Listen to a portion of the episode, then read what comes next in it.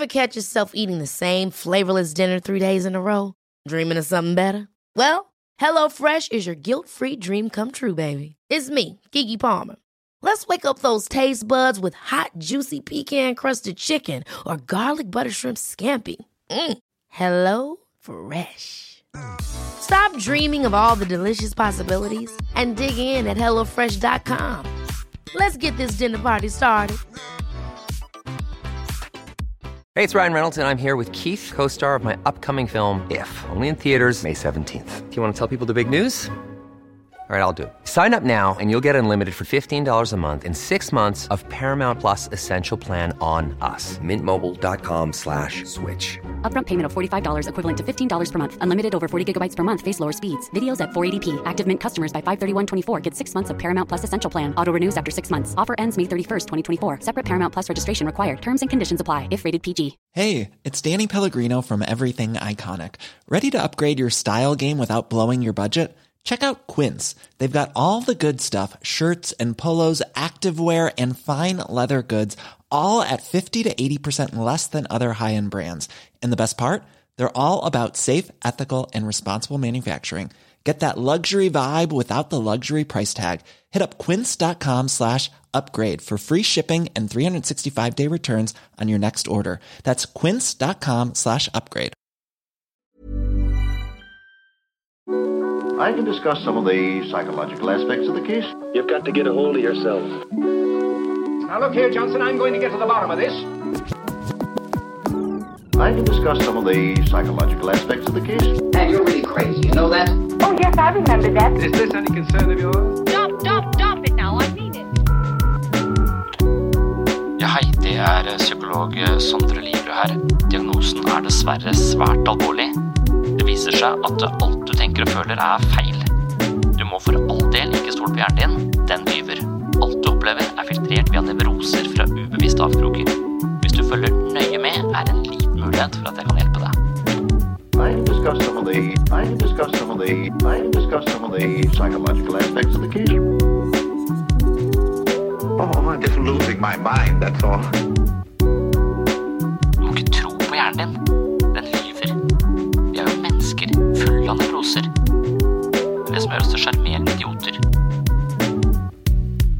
Hei, og velkommen til en ny episode her på Sinnsyn. I dagens episode skal jeg tilbake til eh, denne boken av Karen Horney som heter Our Inner Conflicts, hvor eh, hun viser oss hvordan små eller store konflikter i oppveksten kan skape psykologiske mønstre som påvirker oss i voksen alder. Alle har slike mønstre, men for noen er de mer fremtredende enn hos andre. I denne episoden skal jeg innom eh, flere ting knytta til eh, det å relatere seg til andre mennesker, og hvordan man eventuelt kan eh, løse opp i knuter mellom deg og den andre, og kanskje mellom deg og deg selv. Men jeg skal innledningsvis fokusere på et mønster hvor man har en tendens til å klamre seg til sine nærmeste. Innerst inne er man redd for å bli forlatt, avvist eller oversett, noe man forsøker å unngå ved å klamre seg til én eller flere av sine nærmeste, og det kaller man gjerne den avhengige personligheten. Avhengighet det handler her om å klamre seg til andre i frykt for å være alene i verden. Denne personlighetstypen føler seg ofte forlatt, isolert, redd eller ensom i oppveksten. Det kan hende man har opplevd ulike grader av omsorgssvikt, noen har levd i familier med aggressive foreldre, mens andre har vokst opp under forhold hvor utryggheten var mer subtil. Det kan også dreie seg om forhold som har skapt utrygghet i familien over en viss periode, enten det var skilsmisse, dødsfall, sykdom, åpenlyst uvennskap eller foreldre som av ulike årsaker ikke fungerte godt nok som omsorgspersoner. For å unngå frykten forbundet med ensomhet forsøker barnet å vinne andres oppmerksomhet og omsorg ved å opptre på en lydig, medgjørlig eller ettergivende måte. De utvikler seg som snille og føyelige personer for å få det de hadde behov for fra andre. Så de setter egne behov i andre rekke for å please andre i frykt for å bli forlatt. Som voksne vil deres behov for andres omsorg og medfølelse komme til uttrykk som et inderlig behov for en venn, kjæreste eller livspartner som kan fullbyrde alt det de forventer av livet. De kjemper ikke for et likestilt forhold til en partner, men de kjemper om et menneske som kan fungere som en slags livsforsikring eller en trygg base. De er mer fokusert på egen trygghet enn på partneren, og de vil ofte tilkjempe seg sin utkårede uansett hva denne personen måtte føle for dem. Andre mennesker som ikke er i personens omgangskrets, oppfattes ofte som fremmede og skremmende, og noen de må vinne over. Ved å opptre som mer eller mindre underdanige, føyelige, tilsynelatende omsorgsfulle, varme, sensitive og avhengige overfor sine nærmeste, kan andre oppleve å bli kvelt av vennlighet. Strategien er altså å oppføre seg plisende og kanskje trengende for å holde folk tett til seg slik at de føler seg trygge. Og det er ikke en bevisst strategi, men det er et slags desperat behov for å stange en underliggende følelse av frykt for å bli forlatt. Fokuset på å bli elsket, akseptert, tatt vare på og veileda blir så altoppslukende at de mister fokus på den andre parten. Selv om de fremstår som varme og sensitive, har de en tendens til å bruke andre mennesker som krykker. Deres sterke behov for å høre til og ikke bli forlatt fører ofte til at de feilvurderer andre mennesker og havner i vanskelige relasjoner. For denne typen er det vanskelig å sette grenser, være kritisk og hevde sine meninger, da de er redde for å bli forlatt eller avvist dersom de yter noen form for motstand. Dette gir dem en stakkars lille meg-utstråling og en mentalitet som gradvis gjør dem svakere. Dersom de ved en sjelden anledning uttrykker sin mening med styrke og selvhevdelse, eller opptrer bestemt og litt myndig, er det ikke uvanlig at andre liker dem bedre på denne måten. Ulempen ved å være så ettergivende er at andre oppfatter dem som kjedelige. Det blir litt lite dynamikk og spenning i relasjonen, og de kan risikere å bli glemt eller tatt under vingene til noen med et stort behov for å være viktige for andre. Så det var altså en kort oppsummering av den avhengige posisjonen. Det er krøll på tråden til andre mennesker på bakgrunn av erfaringer vi har hatt gjennom oppveksten. I et forsøk på å beskytte oss selv og få den omsorgen vi trengte, så utviklet vi mønstre for å bli ivaretatt. Disse mønstrene beskytta oss som barn, men i verste fall kan de fungere som, ja, rett og slett hugge bein på deg relasjonelt i voksen alder.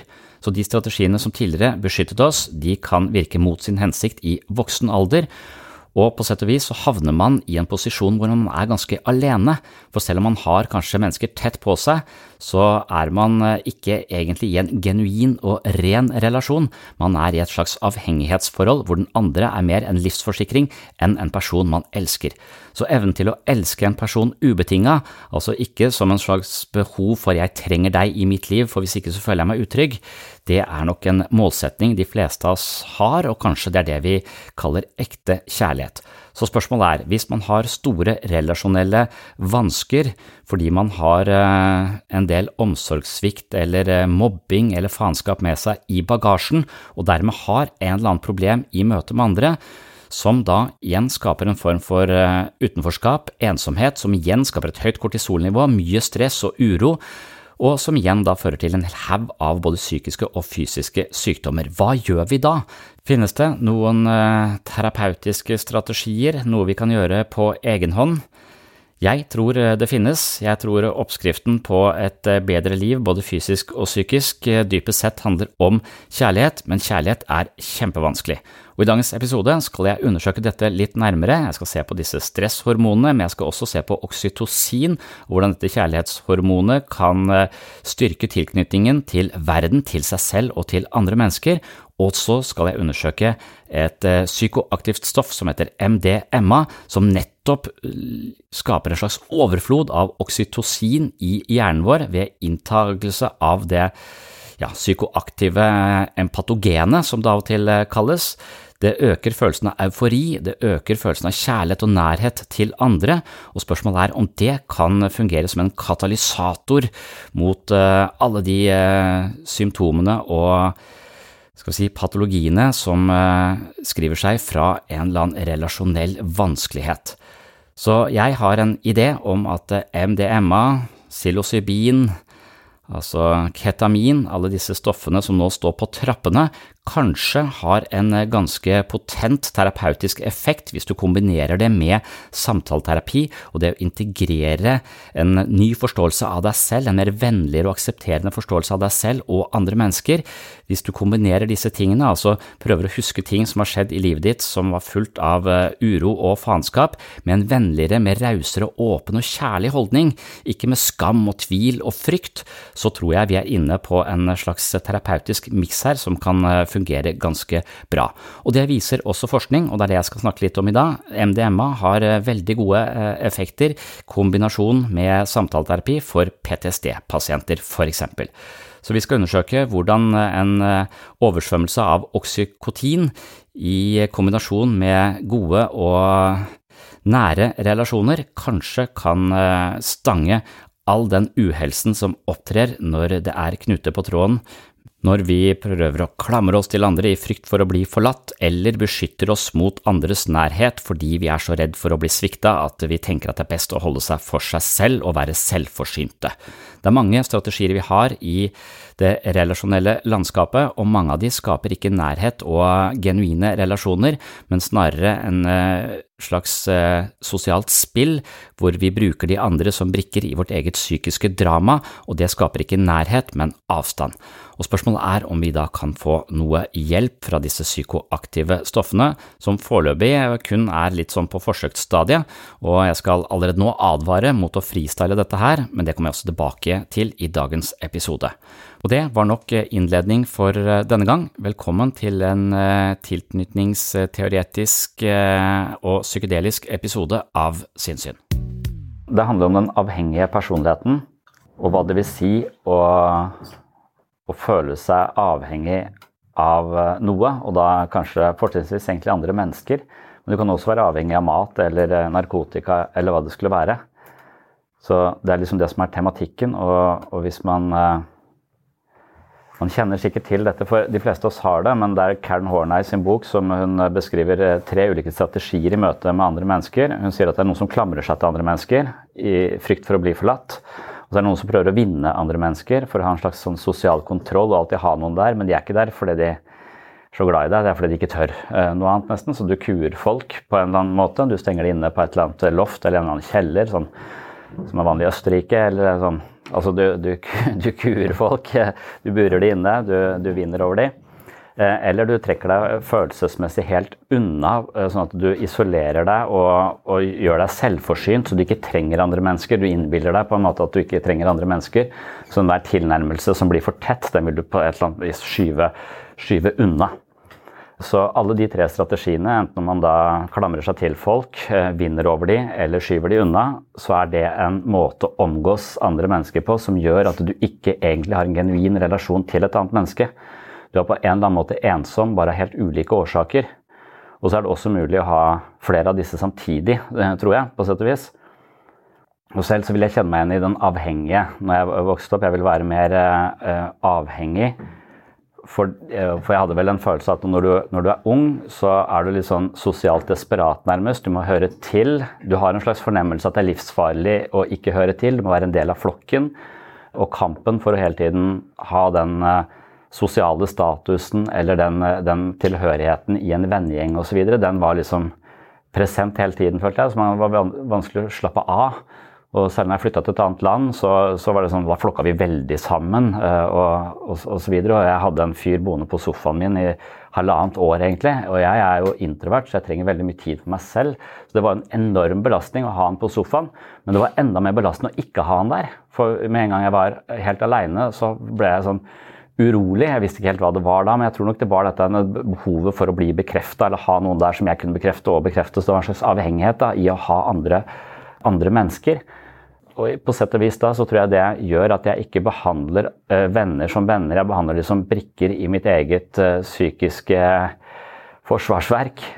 Og jeg har også møtt mennesker som gjør dette nesten med, med andre mennesker. at de hvis du, hvis du, kommer fra et sted hvor du føler at den andre, du trenger noen andre for å selv føle deg trygg, så vil du kanskje ikke egentlig ha en ekte relasjon til den andre, men den andre vil bli en slags livsforsikring. Så det er noen mennesker som finner ikke en partner, men de finner en livsforsikring. Og det kan være hvem som helst, det spiller ikke så stor rolle. Så relasjonen er på en eller annen måte forkrøpla. og den er ikke genuin, og den andre har blitt en ting for deg. Og den tingen kan komme til å slå deg og gjøre alt mulig faenskap med deg, for den tingen kan være ganske farlig også. Men uh, du vil heller ha en ting der enn å ikke ha noe der, for da faller du på en måte fritt. Og, og sånn jeg ser det, så, så tenker jeg at det, det, var ikke spesielt alvorlig for mitt vedkommende, tror jeg. For det tror jeg er litt sånn vanlig å være litt sånn usikker og trenge andres bekreftelse når man uh, vokser opp. Det er, uh, det er normalt. Men så har jeg også lurt på men hvordan kommer de der folka som skal ha, som skal ha den avstanden til folk, ikke vil ha folk tett innpå seg? Og det lurer jeg på om handler om psykologiske innbrudd som blir gjort på de menneskene. Det kan virke som om de som uh, velger denne 'jeg skal være selvforsynt'-strategien, har hatt mennesker som er invaderende. På, på, en eller annen måte, altså De har brutt grensene deres. Ikke nødvendigvis fysisk. Sånn innbrudd så mener liksom å være påtrengende. Så hvis du har foreldre som er veldig påtrengende, skal vite alt og graver og sånn, og du ikke, du ikke klarer å sette noen grenser, så tror jeg behovet for å trekke seg helt unna og gjøre seg selvforsynt kan være i hvert fall så er det min erfaring å høre folk snakke om oppveksten og se hva slags mellommenneskelige strategier de har. Så virker det som de som har vært utsatt for veldig påtrengende eh, mennesker, kan ha denne 'jeg må være helt aleine'. Men så er det noen som er utsatt for både påtrengende mennesker og en følelse av å være totalt forlatt og hjelpeløs. Så de får begge disse eh, problematikkene parallelt, som virker nesten motstridende, men som likevel da er åpenbart mulig å ha da, helt, eh, helt parallelt. Når du da har en datter, en datter på 13, så, så skjønner jeg det er med psykologisk innbrudd.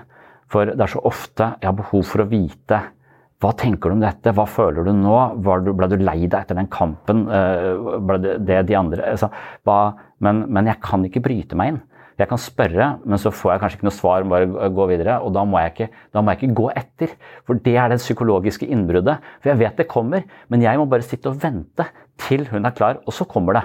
Gjerne klokka halv elleve på kvelden. Kommer det jævlig mye helt til klokka halv tolv. Men jeg er bare nødt til å vente til det kommer. For, for det der å være på, ikke gi henne det rommet, på en måte. Og jo eldre de blir, jo mer føler jeg behovet at de har for dette rommet.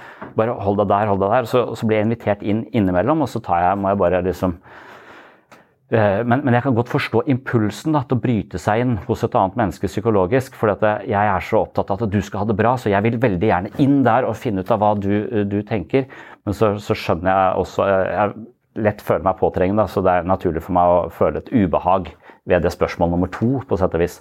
Men det er nok noen som, som bryter seg inn, og, og jeg tror det men det var ikke så mye den eh, innbruddstingen vi skulle snakke om i det. da, var mer denne med denne avhengige dynamikken som også kan spores tilbake ofte til det helt første leveåret. Da. Så vi, vi kan ta akkurat den ideen der. Men det, det avhengige, eh, sånn, eh, hvis vi går over fra Karen Horna, ikke ser det som tre eh, kategorier av strategier, men vi ser på avhengighet som en, noe som hører til panikksystemet i hodet, og det hører til barndommen vår. For et barn er avhengig av foreldrene sine, omsorgspersonene, omgivelsene. For et barn blir jo født altfor tidlig. Etter ni måneder er visstnok altfor tidlig, fordi kvinner har altfor smale hofter. Men det er noe religiøst det som gjør at det skal gjøre så vondt å føde også. Men på et eller annet tidspunkt så, så, så vi blir jo født uten å Vi er ikke bærekraftig for et, for et spedbarn.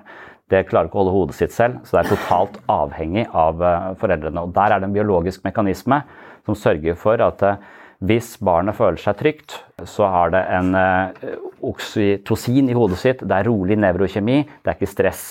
Og for at du skal roe ned et barn, så putter du noe i munnen på det barnet. Gjerne en pupp, gjerne en tåteflaske. Gjerne bare holde det inntil deg. Så, så, det er nærhet. Det første 18 månedene ifølge Freud er oralstadiet. Det handler om munnen, og munnen er som symbol på å være knytta til, kobla på et, et annet menneske. Og hvis det eh, lille mennesket ikke blir kobla på nok og blir liggende veldig lenge og gråte uten å bli tatt opp og få regulert seg selv ned, så, eh, så, vil hele tiden panikksystemet være aktivert i hodet. Og hvis du blir forlatt mye i denne fasen, her sånn, så vil du ta med deg et, et panikksystem en slags overaktivering også inn i voksenlivet. Så du kan reagere med eh, panikk ved selv små avskjeder eller små separasjoner i voksenlivet. Kanskje bare partneren din skal på fest og så reagerer du helt sånn, eller, eller, kanskje han skal bort en helg, eller hun skal bort en helg, og så, og så, du, eh, så, reagerer du voldsomt. Og du skjønner jo ikke Det er ikke noen grunn til å reagere så voldsomt, men det er, det er denne separasjonen som, eh, som trigger at du går, Default mode er lett å føle seg forlatt og hjelpeløs, selv når man egentlig er voksen og sterk. Eh, og, og dermed så kan, er dette noe som utspiller seg. Og Rent sånn biologisk sett, så dette har jeg snakket mye om, men, men det er denne når barnet eh, føler seg jeg, Det er ingen her som skal ta vare på meg akkurat nå, og jeg klarer ikke å holde hodet mitt engang, så vil biologien til barnet sørge for at uh, produksjonen av endorfiner stoppes midlertidig, som er det kroppens smertestillende. Og så vil det utskilles en del stresshormoner og en del sånne ting så barnet får nesten fysisk vondt og så begynner å gråte. Og den gråten påkaller da foreldrenes oppmerksomhet, sånn at de kommer tilbake og tar opp barnet. Det, det er liksom hele mekanismen uh, her sånn. Nei, jeg vet ikke. Men jeg tror ikke det var en trend bare på 80-tallet. Det var mange som snakket om når jeg eh, fikk barn for 13 år siden første gang. Faber-metoden, tror jeg de kalte det. Bare la ungen ligge og skrike. Og da tenkte jeg i mitt stille sinn, jeg sa det aldri, for det var noen som var så jævla fornøyd med den metoden der. sånn. Men, men, rent sånn, og jeg vet ikke, Freud er litt avleggs, men sånn rent freudiansk så, så vil det være sånn at det, de første 18 månedene Det kan være dette foregikk etter 18 måneder, for det er litt annerledes. Men de første 18 månedene så er det viktig å være der når barnet trenger det. Og det er den omsorgen som er eh, altavgjørende. Og litt senere i livet også så vil man se at det panikksystemet, når vi føler oss forlatt, det vil gå opp. Men så vil det, eh, vil det være en stund, men så vil det avta. Eh, og da, kaller, da sier man man går inn i den depressive fasen. Og Det ser man også på barn som blir, blir, mister foreldrene sine på et kjøpesenter. Så vil de først ofte reagerer med en type panikk. Hvor er de, hvor er de? Gråt og, og ståhei. Men etter et visst eh, tidsrom så vil panikken avta, fordi biologien igjen vil si at hvis du lager masse ståhei, så blir du spist av andre rovdyr. Så det er ikke hensiktsmessig for deg å lage så jævlig mye bråk når du likevel ikke blir funnet. For sjansen for at du da er et annet rovdyr som finner at tar deg med, det, det, vil være mye større. Så da er det mye bedre for deg å, å, stå stille og vente på å bli funnet. Så da kan du si at de står stille og gråter sånn stille, og så blir de, blir de funnet. Og, det som ofte skjer da når de kobles på omsorgspersonen igjen, er avvisning. For det er en slags sinne der. Det er en slags reaksjon på at du forlot meg, så faen ta deg. Eh, så, så, det er ikke helt så Man kunne kanskje Å, endelig, der er mamma. Men noen barn blir bare sånn de, de, virker litt avvisende når de endelig får det de egentlig trenger også. Og det er avvisningens kretsløp. Og det er det samme kretsløpet man ofte eh, ser i eh, parforhold hvor en av partene eller begge partene sliter med den typen avhengighet, da, eller at den andre parten er der som en livsforsikring. Ikke som et menneske jeg elsker, men som en livsforsikring. Og jeg tenkte på det i barnehagen også. Jeg tenkte på det med den Faber-metoden. altså Du lar barnet bare ligge der til du slutter å grine. Og så er det inne i den depressive fasen. Kan du sove godt i den depressive fasen? Altså, og så kan du være sur på meg når du våkner i morgen tidlig.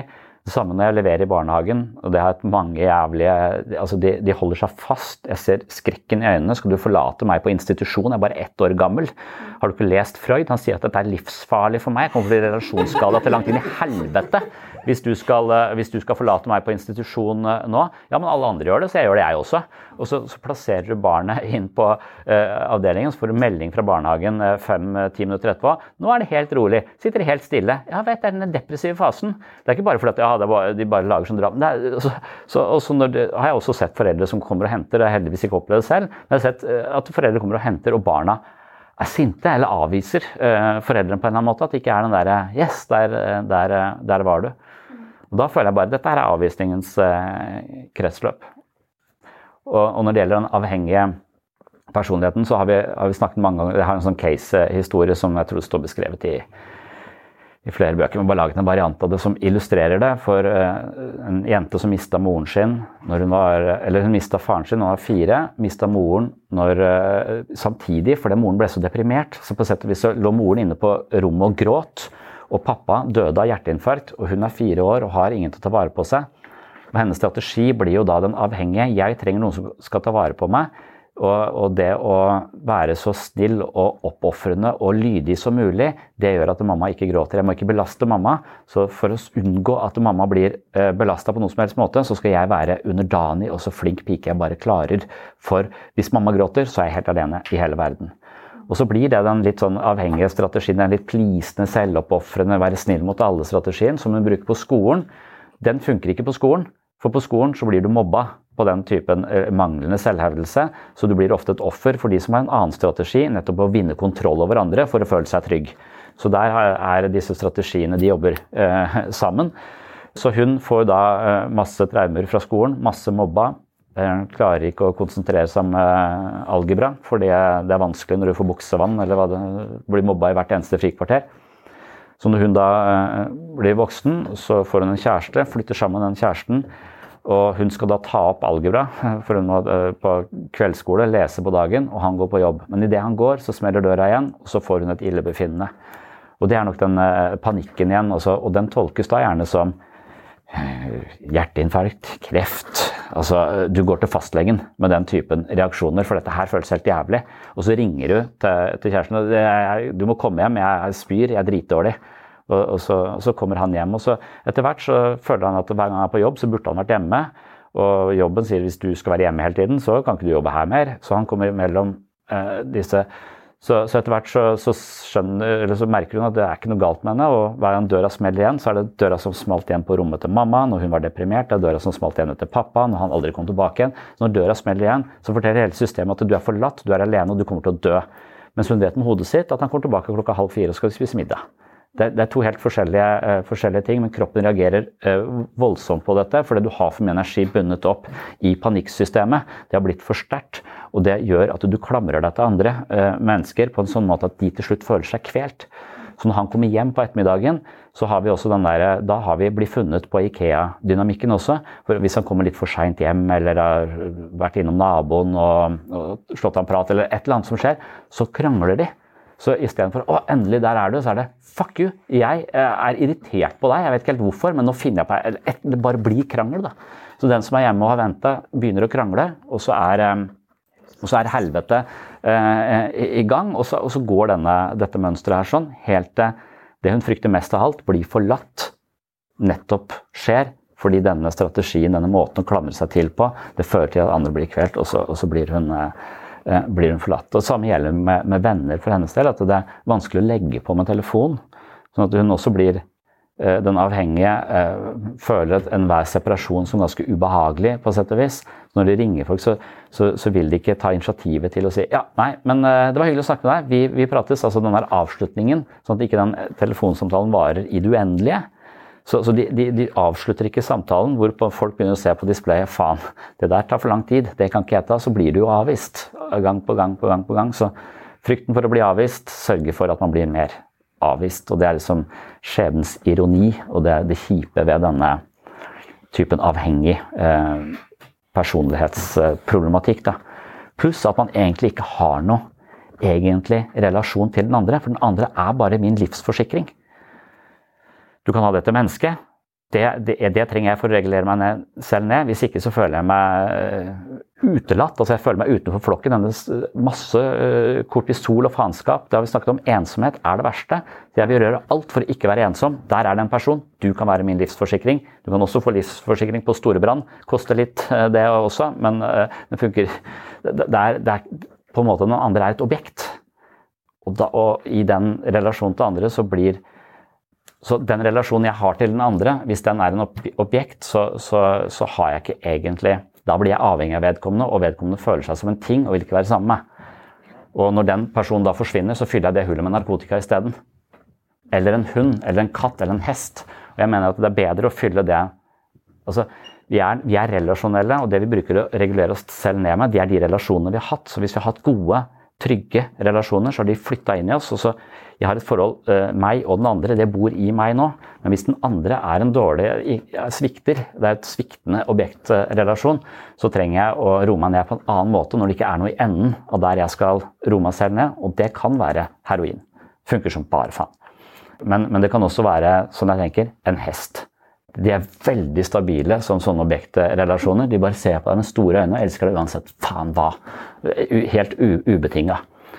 Så Min hypotese du finner ganske mye avhengig eh, og ustabil personlighetsproblematikk i stallen.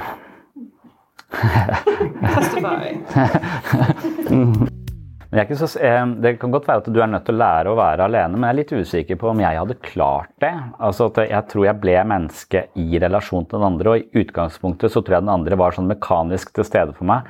Bare en, et menneske som kunne bekrefte meg, og jeg eh, brukte det som et slags narkotikum for å regulere meg selv eh, ned. Men etter hvert som jeg da ble tryggere og tryggere på meg selv og fikk bedre og bedre relasjoner, så er det som de langsomt eh, går over i en mer genuin eh, relasjon. Så at relasjon ikke lenger er en transaksjon.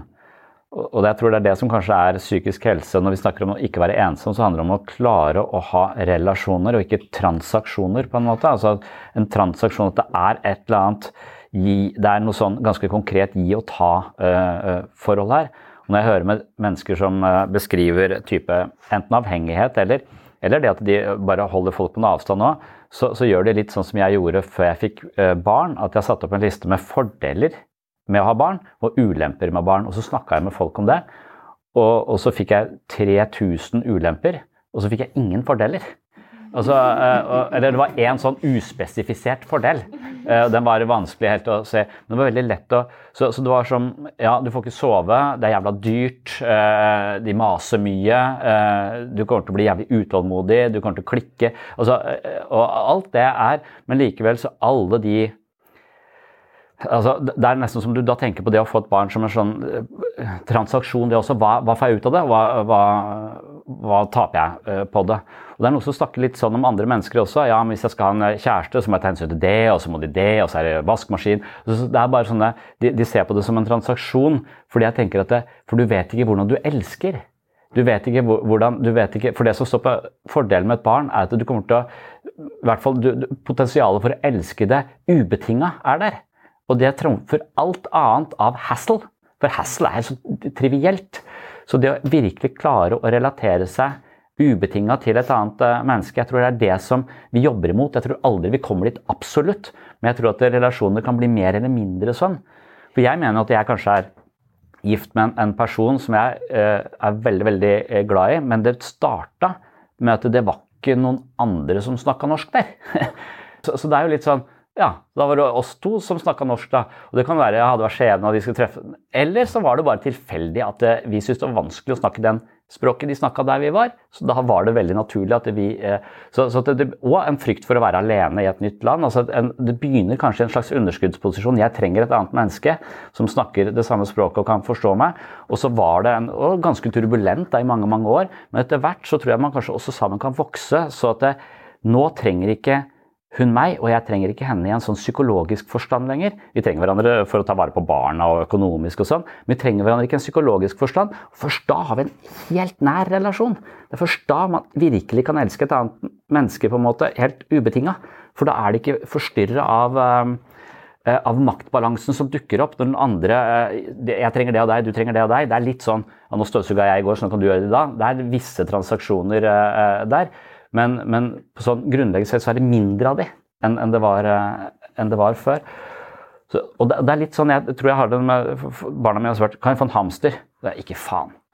Eh, kan, vi, kan, vi, få en, eh, et, et marsvin? Nei. Kan vi få en sånn kanin? Nei. For, for, jeg begynner å regne. Hassle, hassle, hassle. Det, det, ingen kommer til å gidde gi mat. og så bla, bla, bla. Altså, jeg bare ser, jeg, bare, jeg regner på det. Fordi jeg skjønner ikke hvordan jeg skal elske et marsvin. Og så spør de kan vi få en katt. Ja, med en gang. For jeg vet hvordan jeg skal elske en katt. Jeg vet at jeg klarer å elske en katt, for den er oppe på et nivå av bevissthet som jeg tror jeg anser som elskverdig.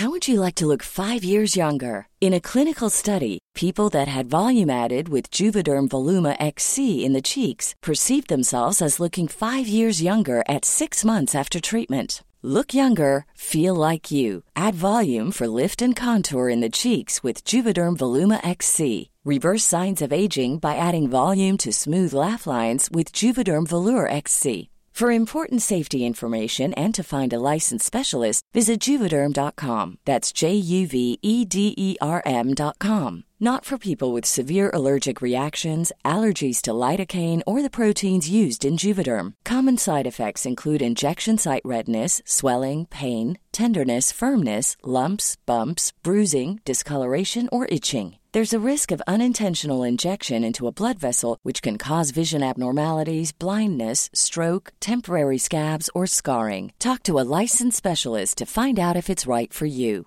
When you're ready to pop the question, the last thing you want to do is second guess the ring. At Bluenile.com, you can design a one of a kind ring with the ease and convenience of shopping online. Choose your diamond and setting. When you find the one, you'll get it delivered right to your door. Go to Bluenile.com and use promo code LISTEN to get $50 off your purchase of $500 or more. That's code LISTEN at Bluenile.com for $50 off your purchase. Bluenile.com code LISTEN. One size fits all seemed like a good idea for clothes. Nice dress. Uh, it's a it's a t-shirt. Until you tried it on. Same goes for your healthcare. That's why United Healthcare offers a variety of flexible, budget friendly coverage for medical, vision, dental, and more. So, whether you're between jobs, coming off a parent's plan, or even missed open enrollment, you can find the plan that fits you best. Find out more about United Healthcare coverage at uh1.com. That's uh1.com. No offense, men noen av de andre dyra under der klarer ikke å etablere kjærlighet til. Derfor så vil de ikke eh, mens, mens denne katten, som er også bare Hassel, Spretter ut og eh, er oppe på bordet og spiser og drikker av alt vi har. og, og, og sånn. Men jeg, synes, jeg ble, ble sånn jeg, klarer å elske det. det altså man ligger, jeg hører maling, alt det der. Som, det er en sånn en ren relasjon som, som gir meg det, det, en, det, det, starter så mye oksytocin, det gjør meg så rolig, selv om det egentlig er stress. For det er ikke en transaksjon. Jeg vet hvordan jeg skal eller jeg, har lært meg å elske det. Og jeg kan sikkert lære meg å elske stadig mindre ting. Det er det Daila Lama sitt prosjekt. Det er jo å elske grøsset fordi det, er, eh, fordi det er levende, på en eller annen måte. Der er jeg ikke i det hele tatt. Jeg klarer ikke en hamster engang.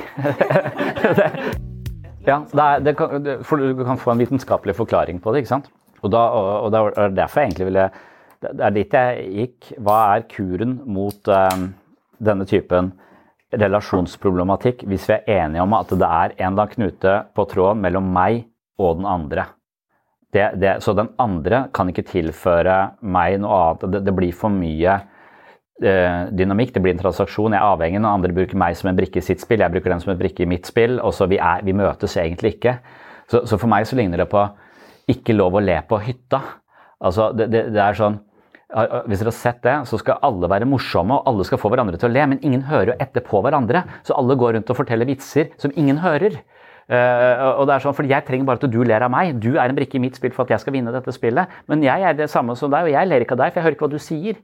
Så, så det er liksom, jeg, jeg, tror det er sånn der, satt dette her på spissen, en sånn der dramatisk relasjonell tilknytningsforstyrrelse på hytta. Hvor, hvor alle har hver sin, eh, sin, målsetting som er egosentrisk. Så de er, ikke, uh, de er ikke i balanse selv, så de kan faktisk kan gi noe til, uh, til andre.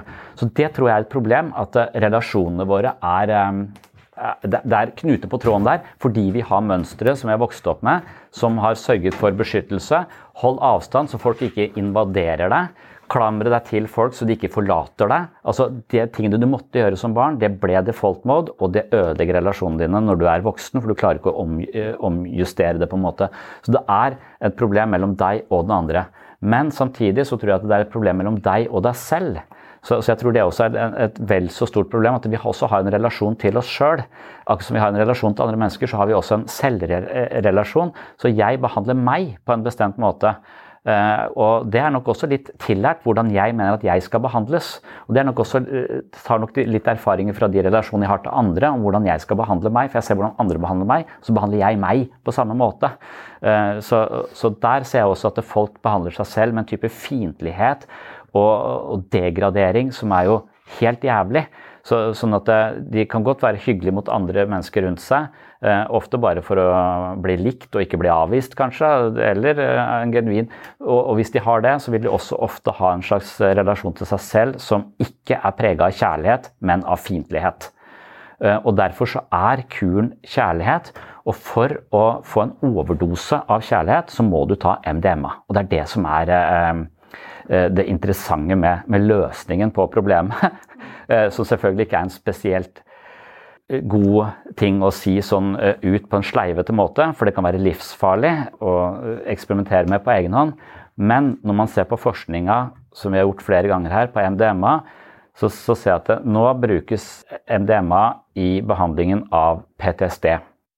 Hos, hos krigsveteraner i, i, USA. De mener det blir godkjent i, i 2023 kommer litt an på demokrater eller republikanere. Men eh, sannsynligvis så vil de få godkjent denne behandlingsmetoden fordi den, har, den er så potent. Da. Den kurerer PTSD i 85% av tilfellene. Og det er ikke MDMA alene, men det er MDMA i kombinasjon med samtaleterapi. Over et par måneder så er 85 kvitt eh, lidelsen. Tre og et halvt år seinere så er 13 av 16 fortsatt uten eh, symptomer på PTSD. Hva er PTSD? Det er jo egentlig sånn granatsjokk. Så I utgangspunktet så, så, er det en enkel PTSD er at du, du, har unnvikelsesstrategier, du har gjenopplevelser, sånne type flashbacks, og du har mareritt ut ifra en hendelse som har skjedd, som du ikke klarer å forholde deg til. Og Det er, det er det, sånn man tenker om, om PTSD. Men så, så innfører de også kompleks PTSD som for meg bare er ja, men Det er jo det samme vi snakker om i alle mulige personlighetsproblematikk. altså Det handler om gjentagende erfaringer på å bli svikta, på å bli dårlig behandla, på å bli avvist, på å bli forlatt. Opp igjennom. Du sto der helt hjelpeløs alene mens mamma lå inne på rommet og gråt. Det var ingen til å ta vare på deg, og du måtte finne ut hvordan du skulle smøre din egen brødskive. ikke sant? Dette her det kaller de kompleks PTSD. Vi kaller det avhengig personlighetsproblematikk. altså Samme hva du kaller det, da, men det er i hvert fall helt likt, tenker jeg. Så, så, for å ha PTSD så må du ha gjenopplevelser, unngåelsesatferd og en opplevelse av fare. Altså du går rundt og er urolig hele tiden. Eh, men hvis du har en kompleks PTSD, så har du i tillegg vanskeligheter med å regulere følelsene dine, for det er noe du bruker den andre til. Jeg er der for å regulere mine barns følelser, for de har ikke prefrontal cortex. Så jeg fungerer som prefrontal cortex for tre andre mennesker. Eh, og etter hvert som jeg eh, gjør det, så vil de overta den strategien, og så vil de eie det i sin egen prefrontale cortex. Så det er min oppgave nærmest, å speile barn og hjelpe de å regulere det ned. Så her er det vanskeligheter med å regulere følelser, det er interpersonlige vanskeligheter, og det er et negativt selvbilde. Relasjonen du har til deg selv, er ikke spesielt, eh, spesielt god. Så det er den komplekse, komplekse PTSD-en. Og hvorfor fungerer MDMA eller psilocybin eller ketamin eller hva det skulle være? Altså, det er jo et psykoaktivt stoff, et sentralnervestimulerende middel, som de også kaller et empatogen. Og det er fordi at virkningen av det stoffet er jo at du får en form for eufori ofte, økt våkenhet, forsterka sanseopplevelser, økt utadvendthet og sosial omgjengelighet, og en følelse av nærhet og empati overfor andre. Så det, det, MDMA gjør, er jo at det aktiverer ehm, eh, bruker, altså det, det, gir en oversvømmelse av oksytocin. Og når vi da husker, altså Hvis vi ser at minnene våre er rekonstruktive, og hvis du husker minnene dine full av skam og skyld og 'nei, å, det skulle ikke være sånn', og du isteden husker minnene dine en sånn overflod av kjærlighet og varme og aksept, som Dalai Lama går og maser om hele tiden, Eh, så hvis du da husker minnene dine på den måten, så så vi på at minnet er rekonstruktivt. sånn at minnet er jo ikke en film fra fortiden, det er noe du gjenskaper hver gang du husker på det. Og hvis du husker på det fullt av kjærlighet istedenfor fullt av selvhat og selvforakt og 'faen, jeg er dum'-greia, eh, så er sjansen for at du da rekonstruerer det minnet på en sånn måte at det legger seg et annet sted i hjernen, et annet sted i hippocampus, forankrer seg i andre nettverk, en grammer i hjernen, så vil du få en mye kjærligere forhold til deg selv, og du vil få et kjærligere forhold til andre mennesker. Så det er en slags overdose av kjærlighet kombinert med psykoterapi. Og det er sånn uh, Sam Harris kom inn i meditasjon. Det var jo via psykedeliske stoffer. For han sa at jeg aldri opplevde en så, sånn gjennomgripende følelse av kjærlighet til alt. Vennen min så et helt annet lys. Jeg fikk en helt enorm connection, og jeg fikk en helt annen forståelse for meg selv og, og, og naturen for øvrig. Så det er en oversvømmelse av kjærlighet som dukker opp når ego går i det vale. Så ego, som er der som en mental konstruksjon, som er liksom vårt forhold til andre, og som administrerer alt dette her altså 'Jeg er ikke god nok, de liker meg sikkert ikke, jeg må gjøre sånn for at de skal like meg'. All den kampen er sånn, den vil jo under MDMA den vil gå i det vale. Det er uh, default mode network slutter å, å, å å fungere, og så må hjernen begynne å kommunisere seg imellom. Så, så, så du vil få en, uf, en, mye mer ufiltrert opplevelse eh, av ting som ikke er eh, koda gjennom det sedvanlige 'jeg er ikke god nok operativsystemet ditt', eller 'andre mennesker må du være forsiktig med, for de er ute etter å ta deg', eller et eller annet sånt noe. Så, så, du har det, pluss at du har oksytocinen som, eh, som fremmer den kjærlige varianten. Og hvis folk kunne begynt å behandle seg sjøl med en viss grad av aksept og kjærlighet, da tror jeg faen vi kunne lagt opp, altså. Da hadde ikke vi hatt noe her å gjøre. Da kunne vi bare stengt det og så kunne vi begynt å, å jobbe som murere isteden. Altså, det er, jeg vet ikke hva For det er jo hovedproblematikken er ofte relasjon til andre som blir problematisk, men vel så, den gjenspeiler ofte også den manglende kjærligheten vi har til oss selv. Men hvis vi blir ubetinga elska av andre mennesker, så vil vi lære å ubetinga elske oss selv, og vi vil være i balanse og vil ha mye å gi til andre mennesker. Og vi vil ikke være avhengig av andre mennesker. Vi vil kunne elske andre mennesker. Og Dermed så, så mener jeg nå at eh, så fort dette her blir mulig å drive psykoterapi i gruppe med hjelp fra en eh, overdose oksytocin, så er jeg med. det skal vi! ja. Bivirkningene er kjeve spenninger og kvalme. Og de forekommer nesten aldri, og forskerne har ikke sett noen eh, tegn til eh, avhengighet. Og, det, det, sier at Når de ser at, eh, at studien viser at de med MDMA-assistert terapi de så, så, To måneder etter eksperimentet var 85% av deltakerne kurert for lidelsen. Tre og et halvt år etterpå 13 av 16. Altså veldig høy effekt. Og så virker det som om effekten hos noen vedvarer over tid. Det virker som om de har fått et nytt perspektiv på livet, et annet engasjement, en annen glød til verden. Altså ikke, ikke være på vakt med verden, men det er nysgjerrigheten. Det er hvis du klarer å være nysgjerrig på deg selv istedenfor dømmende overfor, overfor, ting. Og det er nesten det jeg tror det på en måte understøtter. da og, og gir deg en sånn voldsom boost og en sånn skjellsettende opplevelse som kan gjøre at du kobler deg på på en helt annen måte.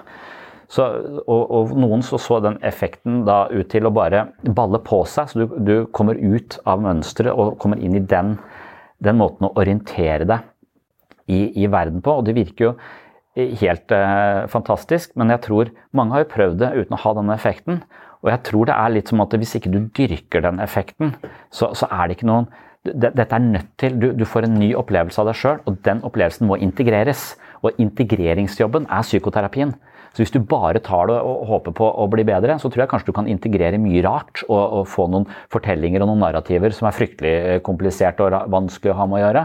Særlig hvis du gjør dette freestyle, for da er det kriminelt. Da er du allerede i en eller annen kriminell sone eh, hvor du inntar det stoffet, og det er masse negativitet rundt det. det er frykt ble tatt. Så, det er, du kobler dette til Eh, en, en kontekst som kan være ganske giftig. Men under regulerte former, i mikrodosering som de har forsket på i fase 1, fase 2, fase 3 av dette, hva er den perfekte eh, dosen, hva er den terapeutiske dosen? Og under trygge omgivelser hvor de nye opplevelsene du har av deg sjøl, som ikke er filtrert via disse forvrengte nettverkene og nevrosene du har inni huet ditt, hvordan kan jeg gjøre det til den nye narrativen om mitt liv?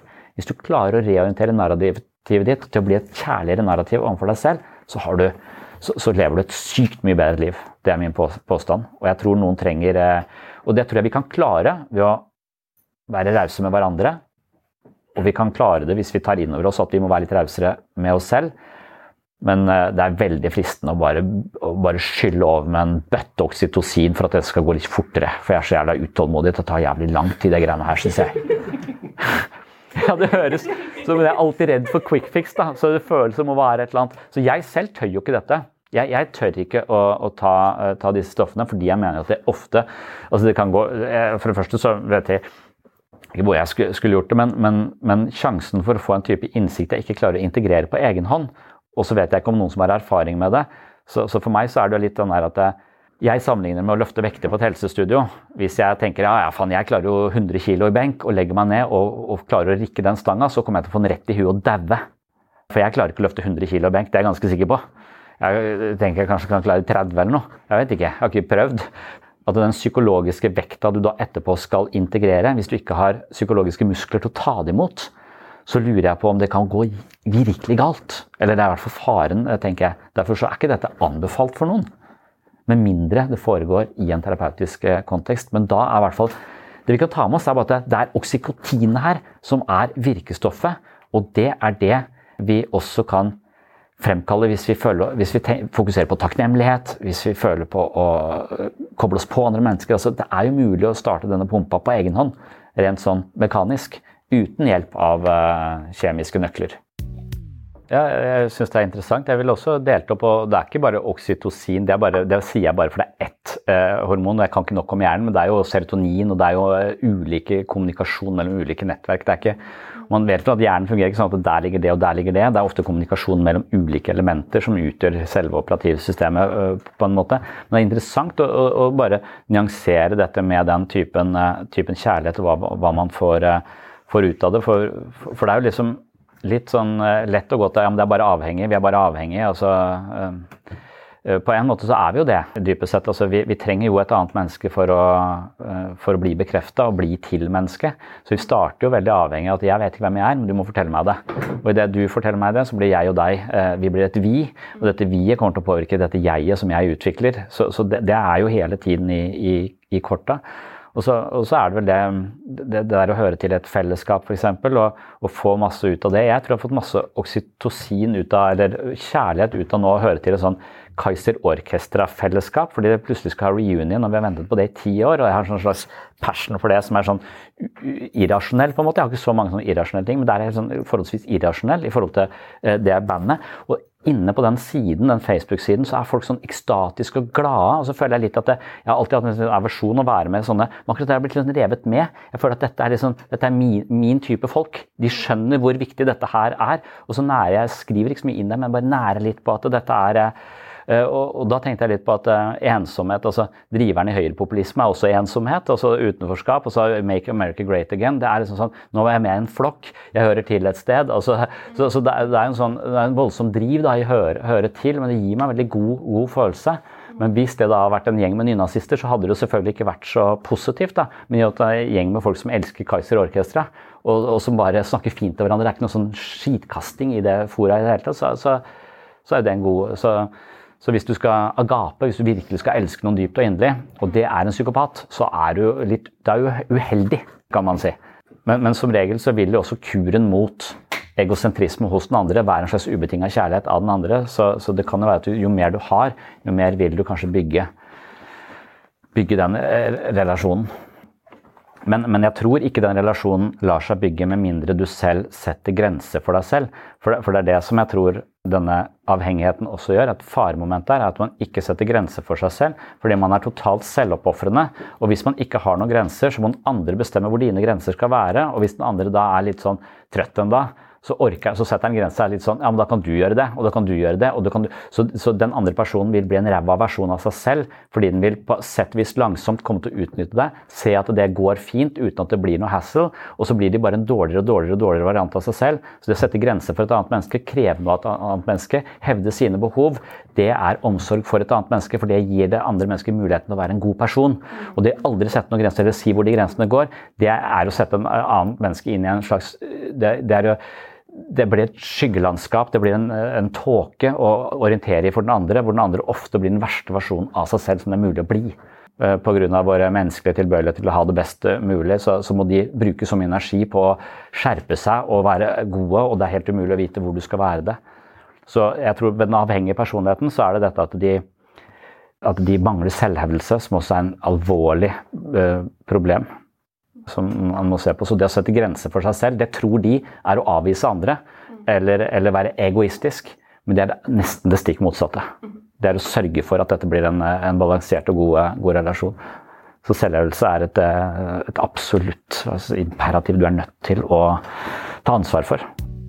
Ja, det er superinteressant selv. Det, det, ja, og det, det er nesten som om narsissisme, da blir det motsatt av det vi alltid har trodd. Vi har trodd at det hevder egne behov, det er, det er det som er det narsissistiske. Men egentlig så er det det å hele tiden være selvoppofrende, fordi det underliggende der er å hente anerkjennelse og plusspoeng hos den, hos den andre. Og når du digitaliserer det, og kvantifiserer det for, for Med en gang denne uh, oppmerksomheten på seg selv blir digitalisert, og du henter poeng ved antall likes hos den andre, så blir du enda Det er nesten som det bygger opp under en sånn type narsissisme eh, som bare har fått sånn eksplosiv kraft. Føler jeg at folk går rundt og er mest opptatt av nettopp dette digitale uttrykket sitt og hvor mye, mye likes. eh, og, og, etter hvert så må du bare bli drøyere og drøyere for å synes i den verden. Og, og, og dette er sikkert veldig sånn feil, men jeg, har, jeg, tenker at alle må få lov til å være sånn som de er. Jeg har ikke Noe, jeg, jeg, men, men, det å gå i tog, og kle meg ut, det klarer ikke jeg. For det er et eller annet som byr meg veldig imot i de togene. Og det er fordi jeg føler kanskje at det, det kan godt være ja, vi kjemper for at alle skal bli akseptert, og sånn, men det, kan, det virker også som alle kler seg på sånn måte at det, det virker litt som ikke lov å le på hytta. Her, her, overgår vi hverandre. Jeg har fjær og alt mulig stæsj. Og egentlig så virker det som sånn jeg så, uh, har så riktige holdninger at jeg tar hele plassen i hele toget. Jeg har så høye vinger at det går oppunder. Altså, hva, hva er Det virker på meg som en slags sånn narsissistisk fest også. Altså, Bare aksepter meg for meg og meg og meg og meg. Det, det er, altså, så Jeg har alltid lurt på hvorfor, hvorfor kan ikke jeg gå i et pridetog? Jeg kan godt stå og se på det, og jeg skjønner jeg er for saken, men jeg har en voldsom avasjon mot å gå dit sjøl. Og jeg er sikker på at mange har bare gode hensikter og bare ønsker å støtte, støtte saken, men den der sjansen for at folk tolker det som moralposering hos meg, og jeg skal bare ha de riktige meningene, den føler jeg ligger så latent, så jeg vil, ikke, jeg vil bare ikke gjøre det. For jeg, jeg, jeg, tenker at mange tenker sånn som jeg tenker om det, at det er moralposering. Og selvfølgelig, hvis alle hadde tenkt sånn, så hadde ingen gått i tog. jeg er på ingen måte imot sakene, men jeg, har en sånn, jeg lurer på om noe av det er at det å bli sett spesielt når det ble digitalt, det å bli sett har blitt så viktig for mange. Og må bare, terskelen må bare bli høyere og høyere for hvor drøy du skal være. Jeg, ikke, jeg, jeg, kjenner meg ikke som et menneske, jeg kjenner meg som katt. Eh, jeg hører til, jeg er født i feil rase. Så begynner jeg Er det er det en genuin opplevelse som bare har vært undersøkt i mange år, og endelig så får de plass? Eller er det bare sånn derre Se på meg, jeg skal bare overgå alle andre? Og Det kan godt sikkert være begge deler, men idet det er å overgå, bare å være drøyest mulig for å bli sett, så føler jeg det er en slags uh, iscenesettelse av narsissisme under akseptfanen. Og det irriterer meg. Men jeg vil, jeg vil tro at det fins begge deler da, i det toget. jeg tror bare jeg hadde håpet at vi var forbi det. Så, så, så, så hvis, hvis, vi fortsatt er der, så, skjønner jeg at det da må det til. Men, men, men det er litt sånn som når, når eh, England nå får en, en, en, statsminister som har en litt annen eh, farge i huden enn de andre statsministrene, så nevner ikke engelskmenn det med et ord. Det de klager på, er han er altfor rik. Uh, og, og, det er, og det er så, men at de, jeg føler Oi, de er ordentlig fargeblinde. De gir faen i hva slags De, de tematiserer ikke at han har Endelig så har vi fått en, en, en statsminister som bla, bla, bla. Nei. Det, det, de, de, de, nevner ikke det. De sier han der er jo styrterik, han kan ikke representere folket. Det er en legitim eh, innvending, syns jeg. Men at de glemmer det. Så, så, så, lenge man må gå i tog for dette, så føler jeg vi er da ja. Men jeg hadde håpet at vi var lenger, da. De studiene på sosiale medier, så altså, er det sånn at Eh, jo mer du legger ut i sosiale medier, det, det, korrelerer ganske greit med graden av narsissisme. Så det er jo de som kommuniserer mest i sosiale medier, de er altså høyest på narsissisme. Så sjansen for å treffe en ganske selvopptatt person når du begynner å diskutere med noen i sosiale medier, er veldig høy. For de som eh, ikke er så høye på narsissisme, de legger ikke ut noe der. Så, så, dette er jo et sted hvor nettopp denne typen eh, selvopptatthet florerer. og og forsterkes i en voldsom hastighet som man kanskje ikke har sett, uh, sett før. Og det er der du blir liksom sånn, ja, det er der du får sånn der ikke lov å le på hytta-feeling. Her skal alle bare gå rundt og, og, og vise seg, men ingen ser egentlig hverandre. Nei, men dette, dette, var ganske tydelig, for det, kom på 70-tallet. Og da var det en stort psykiatrisk miljø som var veldig interessert i det. Forska mye på det. Men så kom partydopet ecstasy, og så, og så, tok denne Food and Drug Administration og forbød eh, bruken av psykoaktive stoffer. Punktum finale i 1985. Og, og da la de liksom lokk på alt dette fordi det var et sånn partydop. Og det tok ca. 40 år før man uh, gikk tilbake på det. For det har jo helt andre Heroin er noe helt annet. Kokain er noe helt annet. Det har helt andre virkemåter enn en dette her.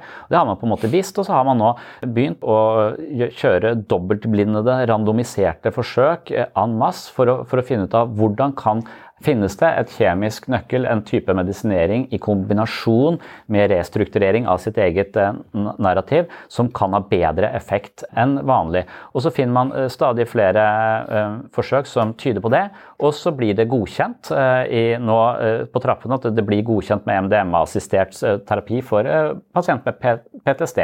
Og Så må man sjekke om det kan gå videre på pasienter med tilknytningsproblematikk. Kanskje det vil være noe av de samme me mekanismene. Så på en måte så går det det går i den takta som et vitenskapelig prosjekt er nødt til å gå. Det, kan ikke bare Ja, det viser seg å funke, for da, da sjansen for at vi bare da eh, begynner å bruke det på en måte som kanskje har altfor mange bivirkninger, at vi ikke er nøye nok. Ja, men Derfor skal vi konkludere med at dersom MDMA blir avkriminalisert, så betyr ikke det at det stoffet er trygt å bruke. Det kan være svært kraftfullt verktøy, men det må brukes i riktig dose og i riktig kontekst med de riktige støttesystemene rundt. Avslutter de som skriver alle disse studiene, og som publiseres i dette studiet, var i Nature. Eh, så ja, på en måte, men etter hvert som disse studiene også blir kjent, så, så kan folk ah, ja, Hvis det er eh, greit å bruke, så bruker jeg det, så freestyler jeg det. Så, så, jeg vet ikke helt hva slags signaleffekt det er. Ja, for Hvis jeg skulle argumentert mot deg, så, så, så, vil det være at jeg, jeg, skjønner hvor det kommer fra, jeg skjønner uh, hva det vil si, men det bygger også opp under en uh, mentalitet som jeg tror er skadelig i samfunnet generelt. En mekanisk løsning på et komplisert problem. En quick fix på noe som er jævlig, jævlig vanskelig.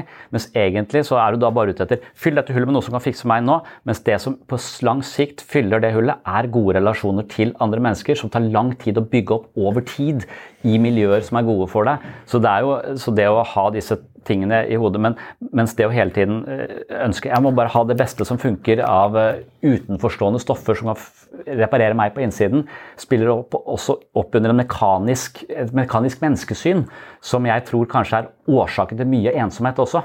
Så jo mer vi eh, fronter akkurat det perspektivet, jo mer vil vi også kanskje understøtte en form for litt sånn ja, eh, maskinaktig forståelse av det å være med litt sånn garasjeløsning eh, på å justere er du i, mens egentlig så handler det om å lære å elske på ordentlig.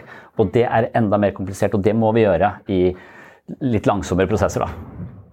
Men, eh, men jeg er helt enig i at hvis det kan hjelpe, så bør vi ha, ha det tilgjengelig på en, annen, på en, eller annen, måte. Men det å bare gå for raskt frem, det, det tror jeg kanskje også det er mange som venter på en eller annen kjapp, kjapp løsning. Jeg har jo hatt mange pasienter jeg som har vært i, i Østfold og, og fått uh, ketaminbehandling. Jeg har foreløpig ikke sett noen sånne revolusjonerende store forandringer. Jeg har sett uh, litt av dette her. Vi ser at jeg ser et annet blikk, jeg ser en annen nærhet uh, bak dette ismennesket. Syns det er fascinerende. Jeg har også sett noe som ikke har fått noe ut av det i det hele tatt. Så så, så, spørsmålet er vil de da, har de nok ressurser til å ivareta disse menneskene i etterkant av uh, ketamin i uh, mikrodosering intravenøst. Det har jeg vært litt, sånn, det er litt usikker på. Ja, det var det jeg hadde i denne omgang om den avhengige personligheten, som på sett og vis er de fleste av oss. Mange lever på et ego i mer eller mindre underskudd.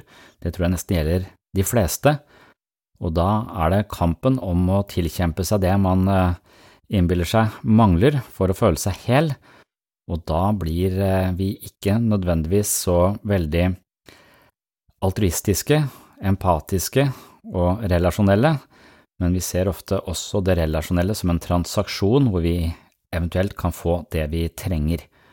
Og det blir ikke en god relasjon, det blir en transaksjon, og der er det en ganske stor forskjell.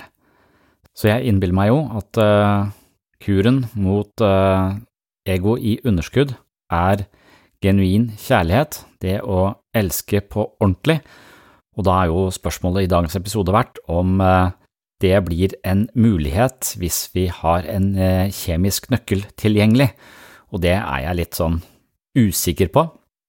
Men jeg synes det er interessant at uh, disse psykedeliske preparatene vinner stadig mer uh, terreng, at det blir forsket mer og mer på det, og at de nettopp opererer på prinsippet, altså det kjemiske prinsippet for kjærlighet, at det blant annet er oksytocin og en sånn ubetinga gnist og glød til seg selv og andre mennesker som er hovedingrediensen i denne medisinen. Så på sett og vis så virker det som en slags kjærlighetsmedisin, eller i hvert fall noe som kan booste narrativet vi har om oss selv, kanskje på en positiv måte, og også den å våge å elske andre mennesker og være, føle seg som en større enhet, da, og ikke være i et konkurrerende forhold til andre mennesker om mest mulig status eller eh, få mest mulig omsorg eller bli ivaretatt osv. Og det var jo der vi begynte, det å hele tiden føle seg utrygg og trenge en annen person for å bli ivaretatt, så blir da den personen en livsforsikring snarere en person du kanskje virkelig bryr deg om. Så det var jo ved den avhengige personlighetsforstyrrelsen vi startet dagens episode, jeg tror jeg også skal avslutte med en oppsummering av hva man tenker om det å ha en avhengig personlighetsproblematikk. Og en personlighetsforstyrrelse det er et begrep fra diagnosemanualen som refererer til en rekke tilstander og atferdsmønstre som er vedvarende. Det er et uttrykk for personens typiske livsstil og måter å forholde seg til seg selv og andre på. Alle mennesker har en personlighet, og noen har en, eh, ja, det man ifølge diagnosemanualen ville kalle en forstyrrelse i denne personligheten, og jeg mener jo at de fleste av oss har det på en eller annen måte, vi er jo justert litt forskjellig alle sammen, men noen er da justert på en sånn måte at det går ut over eh, relasjonen deres på en såpass alvorlig på et så alvorlig nivå at det ødelegger for livskvalitet, da. Så det, det, man kaller en personlighetsforstyrrelse, er altså en eh, måte å være mellommenneskelig og psykologisk justert på som hemmer livsutfoldelse, og ofte er det da snakk om problemer i relasjon til andre mennesker. Man vet ikke akkurat hvordan en personlighetsforstyrrelse utvikles, men sosiale faktorer og opplevelser fra barndommen og oppvekst det spiller som regel en avgjørende rolle. Så i denne episoden har vi da sett på dette med å være avhengig og da ikke ha en genuin kontakt til andre mennesker, men på en eller annen måte ha andre mennesker som en brikke i sitt eget psykologiske spill for å føle seg hel. Så den avhengige personen spiller ofte en passiv rolle i eget liv og har en tendens til å underkaste seg andre. Andre mennesker tillates og oppfordres til å bestemme og ta de viktige avgjørelsene i livene deres. De er vanligvis ubekvemme med å være alene og har ofte en engstelig og depressiv fremtoning. Noen blir avhengig av partnere som da i neste omgang kan misbruke denne avhengigheten på måter som ikke er bra for den avhengige. Og denne tilstanden her sånn, den er hyppigere hos kvinner enn hos menn, og den er hyppigere hos de yngste i en søskenflokk og hos personer som hadde en alvorlig fysisk lidelse som barn. Den avhengige personen føler seg ofte hjelpeløs, som et barn i en voksenverden, i tillegg er det ofte en gjennomgripende følelse av inkompetanse og mislykkahet. Av og til kan det virke som om de mangler livskraft eller egen styrke. Det kan komme til uttrykk rent praktisk, men også intellektuelt og emosjonelt. Veldig ofte overlater de ansvaret til andre og tar lite initiativ selv. De er ofte på leting etter sterke personer de kan støtte seg til, i verste fall finner de mennesker som utnytter dem, hvorpå de ofte befinner seg i en ganske vanskelig situasjon, og de finner seg i mye og går på kompromiss med egne behov for å beholde en sterk partner, selv om denne partneren behandler de dårlig. Noen finner seg i misbruk, trakassering og vold fordi frykten for å stå på egne ben på sett og vis er større enn frykten for partnerens overgrep. En del eksistensielle filosofer har snakket om at mennesket er dømt til å skape mening i eget liv, og Nietzsche snakket om at menneskets viktigste drivkraft var viljen til makt. Dette handler eh, på mange måter om å være agent i eget liv, og med egen kraft skape da mening i tilværelsen og sette i gang interessante livsprosjekter. Det krever på sett og vis tillit og pågangsmot, noe den avhengige personen ofte mangler. De er ofte svært usikre på seg selv, og grunnleggende lav selvfølelse betyr at de også har lite tro på at de kan eh, sette i gang noe som helst noe som igjen da frarøver dem vitalitet og kraften til å møte livet med engasjement og interesse. Istedenfor eh, stiller de seg bakerst i køen, legger de fleste beslutninger i andres hender og tar ikke tak i egen situasjon på en resolutt måte. Slik risikerer man å miste seg selv fordi man hører ikke etter på egne behov, noe som fører til en følelse av depresjon og håpløshet. Samtidig krever den underdanige og avhengige personlighetsstilen at de kraftige og selvhevdende følelsene, som sinne og irritasjon, undertrykkes, noe som ofte er kimen til både angst og uro. Så det er altså kort oppsummert hovedproblematikken når man føler seg tilkortkommen, er redd for å bli forlatt, har lite troa på egne evner og klamrer seg til andre i håp om at de kan fullbyrde livet og fungere som livsforsikring. Og da har man egentlig ikke en ordentlig relasjon til en annen person, for en god og ekte relasjon den er likestilt. Og disse relasjonene er ikke likestilt, og det blir ofte svært vanskelig for den avhengige. Så det å våge å elske seg selv, i første omgang her, ha troa på seg selv, akseptere seg selv, og forstå at uh, mye av den uh, selvforståelsen vi har, er projeksjoner andre har plassert på oss. Altså hvordan andre har oppført seg mot oss, har blitt eh, til vår egen selvforståelse, og hvis vi har møtt mye kritikk og mobbing osv., så, videre, så har vi ofte et negativt syn på oss selv, så forholdet man har til seg selv er da preget av en type både mistillit og trakassering. Og der kan man kanskje begynne, og igjen, hvis man har en vennligere og rausere holdning til seg selv, altså har en selvforståelse som er preget av oksytocin øh, og ikke fiendtlig aggresjon, så tror jeg man har kommet øh, veldig langt. Og når man begynner å stole på seg selv, så er også muligheten for å stole på andre og relatere seg til andre på en likestilt og genuin måte mye, mye større. Så her er det kjærlighet utover og kjærlighet innover som er eh, medisinen, og spørsmålet er jo da om dette på sikt kan eh, katalyseres gjennom en form for eh, psykedelisk preparat som man kan kombinere da med reorientering av livsførsel og reorientering av sitt syn på seg selv da, i lyset av en mer vennlig og kjærlig holdning. Så det er det forlater jeg som et åpent spørsmål, kanskje et litt håpefullt eh, innspill til fremtidens psykiatri, men eh, så langt så tror jeg bare vi må ta vare på hverandre, prøve å elske hverandre så godt vi klarer, og prøve å elske oss selv så, så godt vi klarer. Så det må være hovedbudskapet i dagens episode. Takk for følget, og velkommen tilbake. Oh, I'm just losing my mind, that's all.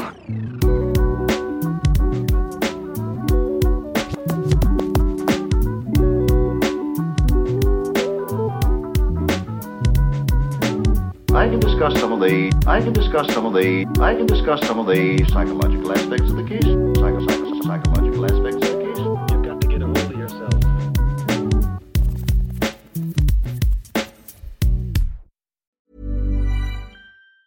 Ever catch yourself eating the same flavorless dinner three days in a row?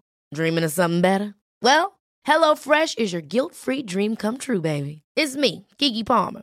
Let's wake up those taste buds with hot, juicy pecan crusted chicken or garlic butter shrimp scampi. Mm. Hello Fresh. Stop dreaming of all the delicious possibilities and dig in at HelloFresh.com. Let's get this dinner party started.